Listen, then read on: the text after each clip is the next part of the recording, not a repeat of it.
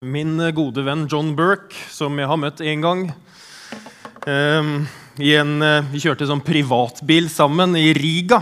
Fra et sånn konferansesenter til så skulle ha med fly. Da fikk vi sitte på med han, jeg og Linda. Kjempestas vet du, for meg som er sånn starstruck. Um, men, ja.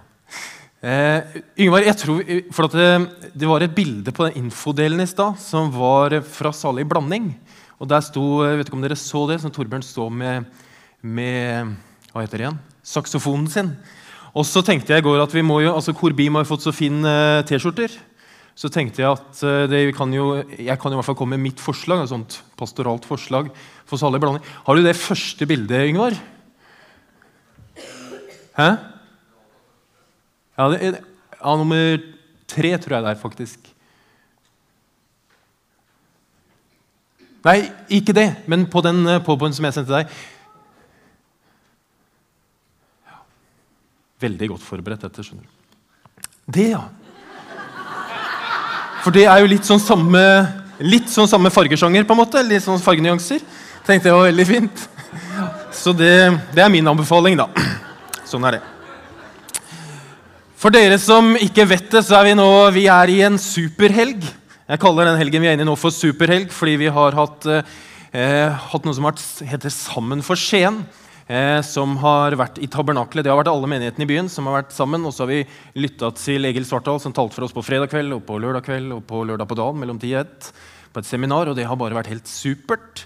Eh, og i kveld så kommer jo på en måte eh, den store misjonskongen som heter Lauren Cunningham. Han kommer hit klokka sju og skal ha kveldsmøte. Eh, og det er jeg så utrolig stolt av, at vi får lov til å arrangere et kveldsmøte med Lauren Cunningham. Lauren Cunningham han har grunnlagt Ungdom i oppdrag som er verdens største misjonsorganisasjon. Han er 79 år, og han taler ganske lenge. Eh, og så vet jeg også at det er Odd-kamp. Og så har jeg liksom prøvd å flytte Odd-kampen fra 6 til 5, sånn at man liksom rekker det. Eh, og det gikk ikke. Men du kan jo kjenne i ditt hjerte hva som er rett å gjøre. Sånn er det. Og så har jo jeg da den eh, sånn eh, liksom, Vi har hatt Egil Svartdal i går, for dere som var der, og så er det Lauren Cunningham i kveld, og så er det liksom meg nå. Så jeg har kjent veldig på det presset. Uh, ja, så sånn er det. Så har vi liksom dekorert med trær her. Dette treet her. Det har med at vi er da i serien som John sa, i serien som heter Nærmere. Og jeg er veldig sånn glad i å beskjære og jobbe i hagen. Jeg har drivhus og liksom elsker det. Um, og i, når man beskjærer, når man liksom jobber i hage, da, så er det noe med å pode. pode. Er det noen av dere som har poda en grein på et tre? Ja, Freddy har gjort det for mange år siden. For det er det vi snakker om. Og det er det vi skal snakke om. Og nå eh, Jeg er ikke helt ferdig med innledningen ennå, kjenner jeg. fordi at eh, Vi satte en overskrift først som jeg ikke kunne bruke. Jeg kjente det når vi liksom skulle, jeg merka det fort. at når jeg skulle begynne å jobbe med den talen, så tenkte jeg jeg kan i hvert fall ikke bruke den. Og Så kom vi til tirsdag, og så har vi fått ny sekretær som heter Liv. som er veldig pliktoppfyllende, og Så skulle hun sende inn annonse til avisa, og der skal det jo stå hva jeg skal tale om. Og Da ble jeg litt sånn tatt på senga, og så sa jeg vi, vi, vi kaller det skatten i relasjoner. Da. Kan vi ikke kalle det det? Og Det er jo en veldig sånn feminin tittel. Og, og jeg tenker sånn Er det egentlig det jeg skal snakke om? Den traff liksom ikke sånn kjempebra. Eh, men jeg skal jo snakke om en skatt, og jeg skal snakke om relasjoner, men jeg skal kanskje snakke om noe annet enn det du har tenkt. For det jeg skal snakke om, er at hvorfor ønsker vi å komme nærmere Gud og nærmere hverandre? Og så skal jeg ha fokus på hvorfor ønsker vi å komme nærmere Gud. Og Det har med det å gjøre at når vi blir poda på hans tre, så går hans ånd inn i oss, og så forandrer han oss. Og så er det litt sånn Hvordan skjer det? Eh, hvorfor skal vi i det hele tatt bry oss om det eller tenke på det? Eh, det skal jeg snakke om. Rett Og slett, og da skal vi gå starte før Jesu fødsel. Eh, og Da må vi gå tilbake til Det gamle testamentet. Det er den stive, stive og tykke delen i Bibelen som vi ikke leser så veldig mye i. kanskje. Eh, men der skal vi gå til en profet som heter Jeremia. Og Vi skal hoppe inn i kapittel 18, fra vers 1 til 6. Og så skal jeg lese det. Dette ordet kom til Jeremia fra Herren. Stå opp og gå ned til pottemakerens hus. Der skal jeg la deg få høre mine ord. Så gikk jeg ned til pottemakerens hus. Han sto og arbeidet ved dreieskiven. Når karet han holdt på å lage av leire, ble mislykket i pottemakerens hånd, laget han det om til et annet kar, slik han syntes det var riktig. Da kom Herrens ord til meg. Israels hus kan ikke jeg gjøre med dere, slik denne pottemakeren gjør med leiren, sier Herren. Se, som leiren i pottemakerens hånd, slik er dere i min hånd, Israels hus. Profeten Jeremia er også sendt til pottemakerens hus, ikke for å preke en preken, han tror kanskje at han skal forberede en preken, men så får han en preken rett i fanget. Og Gud sier til Jeremia at når du skal gå ned til pottemakerens hus, så skal du høre min stemme. Og Det er jo litt rart at han skal høre Guds stemme. Kanskje som en tanke, eller som en tydelig stemme i hodet, eller som en skrift på veggen, eller noen voldsomme greier.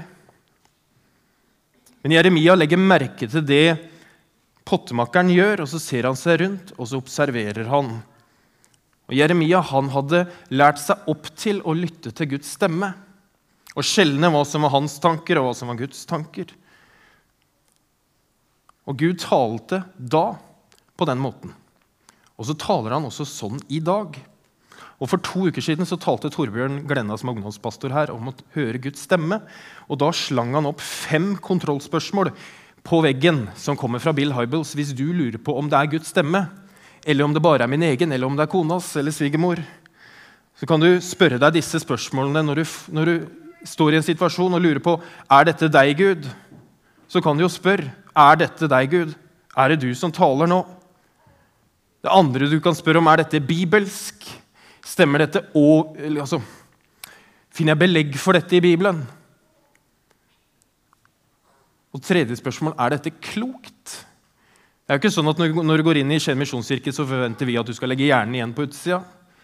Og bare ja, En tankeløs, en visdomsløs tro. Det er ikke det vi forkynner i det hele tatt. Men vi kan spørre om dette er klokt. Er dette, eh, er dette vist å gjøre? Fjerde spørsmålet er passer dette med min personlighet. Er det sånn Gud har skrudd meg sammen? Passer det med det? Og kanskje et av de, eller også et veldig viktig spørsmål det siste hva sier vennene mine om dette? Skal jeg selge alt jeg eier og gå liksom over Grønland i barfot? Er det lurt, Martin? Kanskje ikke. Hva sier vennene dine om dette? Dette er fem spørsmål som du kan spørre deg hvis du lurer på om det er Gud som taler til deg. Men tilbake til pottemakeren, fordi pottemakeren gjorde karet til det han syntes var riktig. Når karet han holdt på å lage leire, ble mislykket i pottemakerens hånd, laget han det om til et annet kar slik han syntes det var riktig.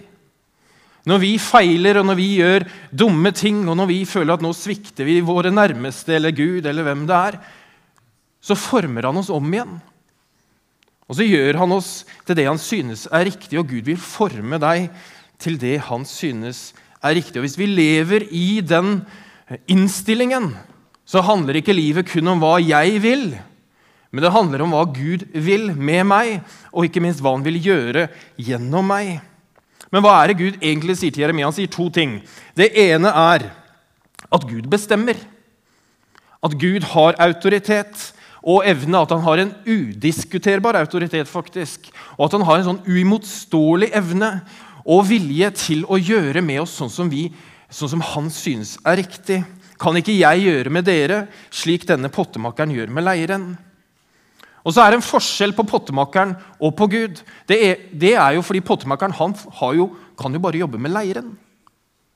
Men Gud han kan jo jobbe både med leire, eller med formen og materien, for han har jo skapt oss. Det er jo ikke sånn at pottemakeren har skapt leiren.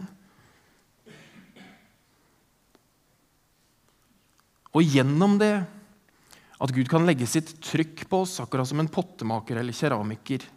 Så kan Gud gjøre det samme med oss. Punkt to er at Gud arbeider.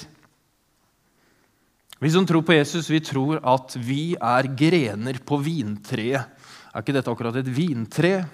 Dessuten er det kunstig i tillegg, eh, hvis du lurte på det. Eh, men når vi er poda inn på stammen så er Guds ånd poda inn i våre liv. Og da arbeider han i oss og gjennom oss. Og når vi bærer frukt, så er jo det en konsekvens av at vi er poda inn på denne stammen. Og så kan vi spørre oss hva, eller som John spurte, hva er det eneste nødvendige for at Gud skal arbeide i oss? Og det er å være kobla på den stammen. Bob Goff heter en amerikansk forfatter og advokat. og Han er litt forskjellig. Han har vært på, Jeg har hørt han to ganger. En gang live, faktisk òg. Eh, men han har skrevet en bok som heter 'Love Does'. Vet du hva? Does. Does er et veldig vanskelig engelsk ord å uttrykke. Love does. Det betyr 'kjærligheten gjør'. At kjærligheten er et verb. Og, han, og så har jeg begynt å følge ham på Instagram. av alle ting. Og Der tegna han opp et bilde her denne uka som gikk, hvor han, at, han skriver at det er ingen, i, i ytterste konsekvens så er det ingen mennesker som leder mennesker til Jesus. Fordi det er Jesus som leder mennesker til seg selv. Og det betyr egentlig at alt press er borte. Det eneste vi trenger å gjøre, er å elske andre mennesker og være poda på Jesus uten agenda. Fordi når vi er poda på Jesus og på treet og på stammen, så gjør Jesus alt gjennom oss. Ja. Og så tenkte jeg vi skulle gå et skritt videre og se på noe som står i Efeserbrevet 2,8-10. Um, hvor det står at 'for av nåde er dere frelst ved tro'. Det er ikke deres eget verk, men det er Guds gave. Det hviler ikke på gjerninger, for at ingen skal skryte av seg selv. For vi er Hans verk, skapt i Kristus Jesus til gode gjerninger, for at vi skulle vandre i dem. Er det gode gjerninger som frelser oss, eller som fører oss nærmere Gud? Nei, det er det ikke. Men gode gjerninger er et veldig naturlig resultat av at man blir frelst. Paulus strever med det å være eh, med gode gjerninger. Litt grann. Han strever med det å være fullkommen, eller at vi har fått en fullkommen gave. Vi skal se hva Han skriver Han skriver i Filipperne 3.12-16. Jeg mener ikke at jeg har nådd dette, altså da mange ting som han har ramsa opp på forhånd, eller at alt er fullkomment. Men jeg jager fram mot det for å gripe det, fordi jeg selv er grepet av Kristus Jesus. Mine søsken, jeg tror ikke om meg selv at jeg har grepet det, men én ting gjør jeg. Jeg glemmer det som ligger bak, strekker meg etter det som er foran, og jager fram mot målet, mot den seiersprisen som Gud fra det høye har kalt oss til i Kristus Jesus. La oss tenke slik, alle vi som har nådd fram til modenhet. Hvorfor vil du si dette, Martin, uten noe mer sånn kontekst rundt? Lurer kanskje på. Gud gir oss en fullkommen gave. Alt er ferdig. Det var ikke som når han sto på korset og sa nå er det halvveis. Nå er det bare delvis. Nå må du gå resten selv. Men han sa det er fullbrakt. Det er fullkomment. Det er fullt ferdig. Men så sier Paulus at 'jeg er ikke fullkommen'. Og hva betyr det egentlig? Sier han to ting? Nei. Det han sier, er at det han har gjort for oss, det kan ikke vi gjøre noe med. Det er hans business med nåde og frelse og rettferdiggjørelse og alle disse flotte ordene. Det er Guds business. Men det vi kan gjøre noe med, er det Gud ønsker å gjøre gjennom oss. For det kan vi delta i hvis vi vil. Og Den første gangen som du sa ja til Jesus, hvis du har gjort det, så er det begynnelsen på vandringen med han. Noen tror det at når man tar imot Jesus, så er liksom appen lasta ned, og så er liksom programvaren ferdig, og så er vi ferdig. Og det er feil. Vet du at Det er ingenting vi kan gjøre for å hjelpe Gud med å hjelpe oss. Det er hans business, som jeg sa.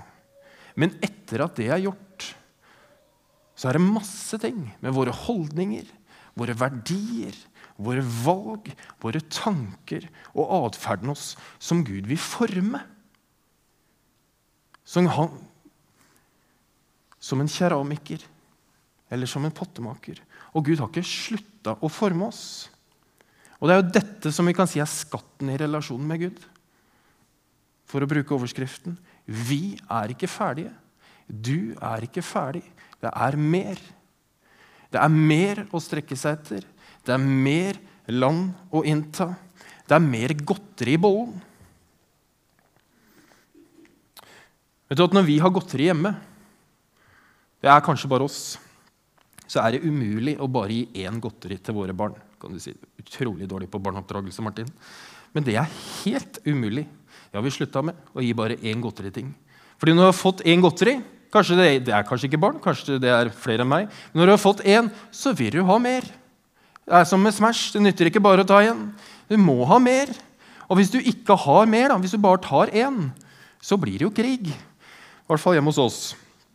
Og krangling, da. Kan si det er mer krangling. Og det er egentlig det som har skjedd med Paulus. At han har fått smaken på godteriet. da. Eller han har fått smaken på Jesus, og så vil han ha mer.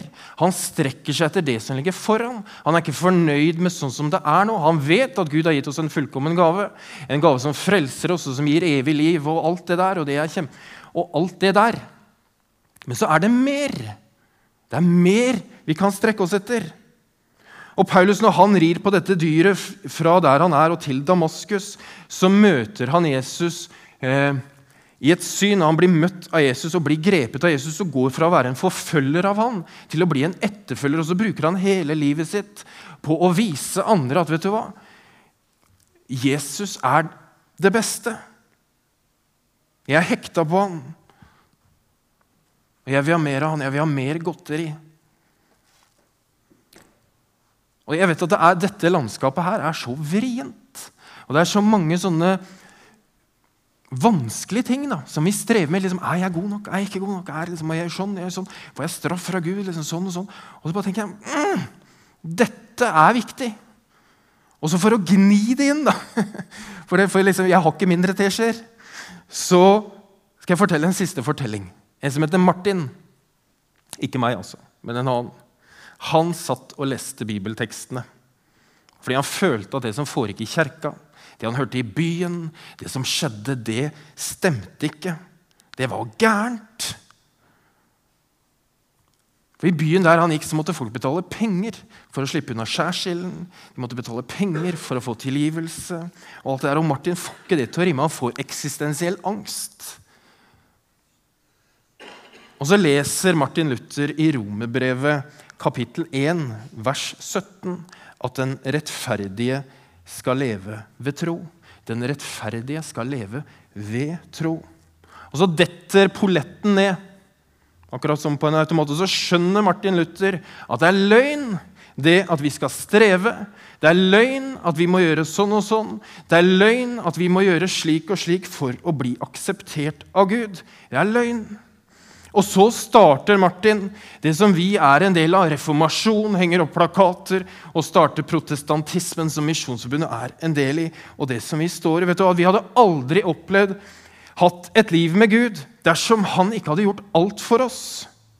Men vi hadde heller aldri hatt et liv sammen med Gud hvis vi ikke levde sammen med Han. Det er derfor vi er så opptatt av å være poda på dette treet. Jeg leser en bok av en som heter Dietrich Bonhoeffer, som er en tysk teolog. og så var Han nazimotstander under krigen. Ja, han har skrevet mange bøker om etterfølgelse av Jesus, og disse bøkene er kjempetunge. Det er ikke sånn du leser, Jeg har sagt noen andre bøker, leser den på en time, liksom, så er du ferdig. Den her, Du bruker ikke en time på den. for å si det sånn. Eh, og den jeg leser, den heter 'Etterfølgelse'. Eh, men så sier han veldig mange kloke ting. Han sier bl.a. dette. Om vi vil følge Jesus, så må vi ta noen bestemte steg. Om vi ikke velger å ta steg i tro, så lærer vi ikke å tro. For det skjer noe når vi velger å tro. Vi glemmer det som ligger bak, og så trenger vi å strekke oss mot det som ligger foran. For noen uker siden så var jeg hjemme hos menighetens eldste, en dame på 96 år. Og så var jeg hjemme der, og så Hun, hun ligger nesten i en seng hele tiden. Eh, men så har hun Bibelen ved siden av seg, og andagsbok ved siden av har hun bønneboka ved siden av hvor hun skriver bønner. Og Så spurte hun om jeg kunne lese i andagsboka for henne, så, så gjorde jeg det. Og Så ba jeg en bønn for henne, og så ba hun en bønn for meg. Og så sa hun vet du hva Martin, det er mer land å innta. Hun sa det beste ligger foran når jeg er 96 år. Og så sier hun vet du hva, det beste ligger foran. Tenk å være sånn når du er 96 år. Da. Det er fantastisk. Har du tenkt på hva som ville skjedd hvis kristne mennesker designa biler? Har du tenkt på det?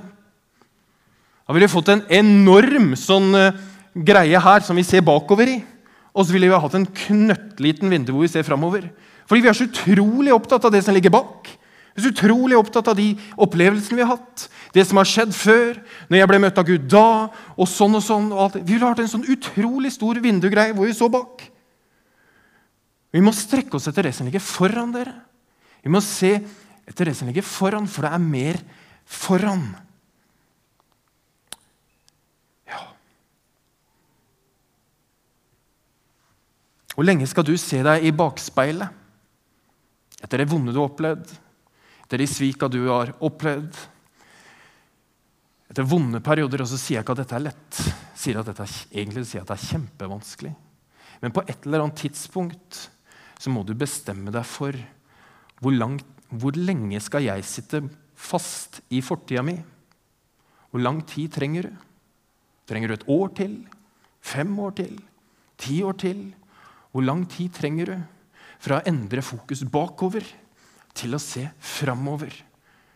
Fordi Gud former deg, og han pusher på deg, han legger sin vekt på deg. Og så vil han det beste for deg. Ja.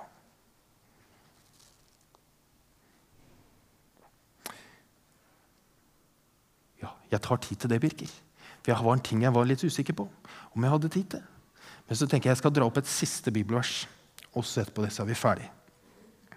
Var på, vi var jo på sånn sammen for sent hvor det var bønnemøter hele torsdag hele fredag. Og på fredag så fikk jeg plutselig sånn bibelvers i hodet som jeg delte med de jeg var sammen med da. Eh, og det står i Jobbs bok i Det gamle testamentet, kapittel 14, vers 7-9. Og jeg tenkte jeg skulle dele det nå. For et tre finnes håp. Blir det felt, vokser det opp igjen. Det skal ikke mangle friske skudd. Om røttene i jorden blir gamle og stubben morkner i støvet, så spirer det igjen ved eimen av vann. Det setter skudd som et nyplantet tre. Det spirer igjen ved eimen av vann, ved lukten av vann. Ved Guds vann så spirer det igjen som et nyplanta tre. Det som har vært dødt, det som du har gravd ned, det som du har fornekta, det som andre har nekta deg, det som andre har sagt, det vonde andre har gjort mot deg, det vonde du har gjort mot andre, kanskje. Det kan Gud puste på og komme til med sin, sitt vann. Og så setter det nye skudd. Og så kan vi leve i en helt ny, et helt nytt liv.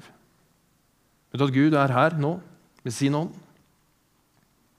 Jeg tror Gud eh, er sånn at han jobber i oss når vi lytter til Hans ord. Og så blir vi kanskje minna på ulike ting i livene våre eh, som har med den formingen å gjøre. Og så skal vi synge noen sanger sammen.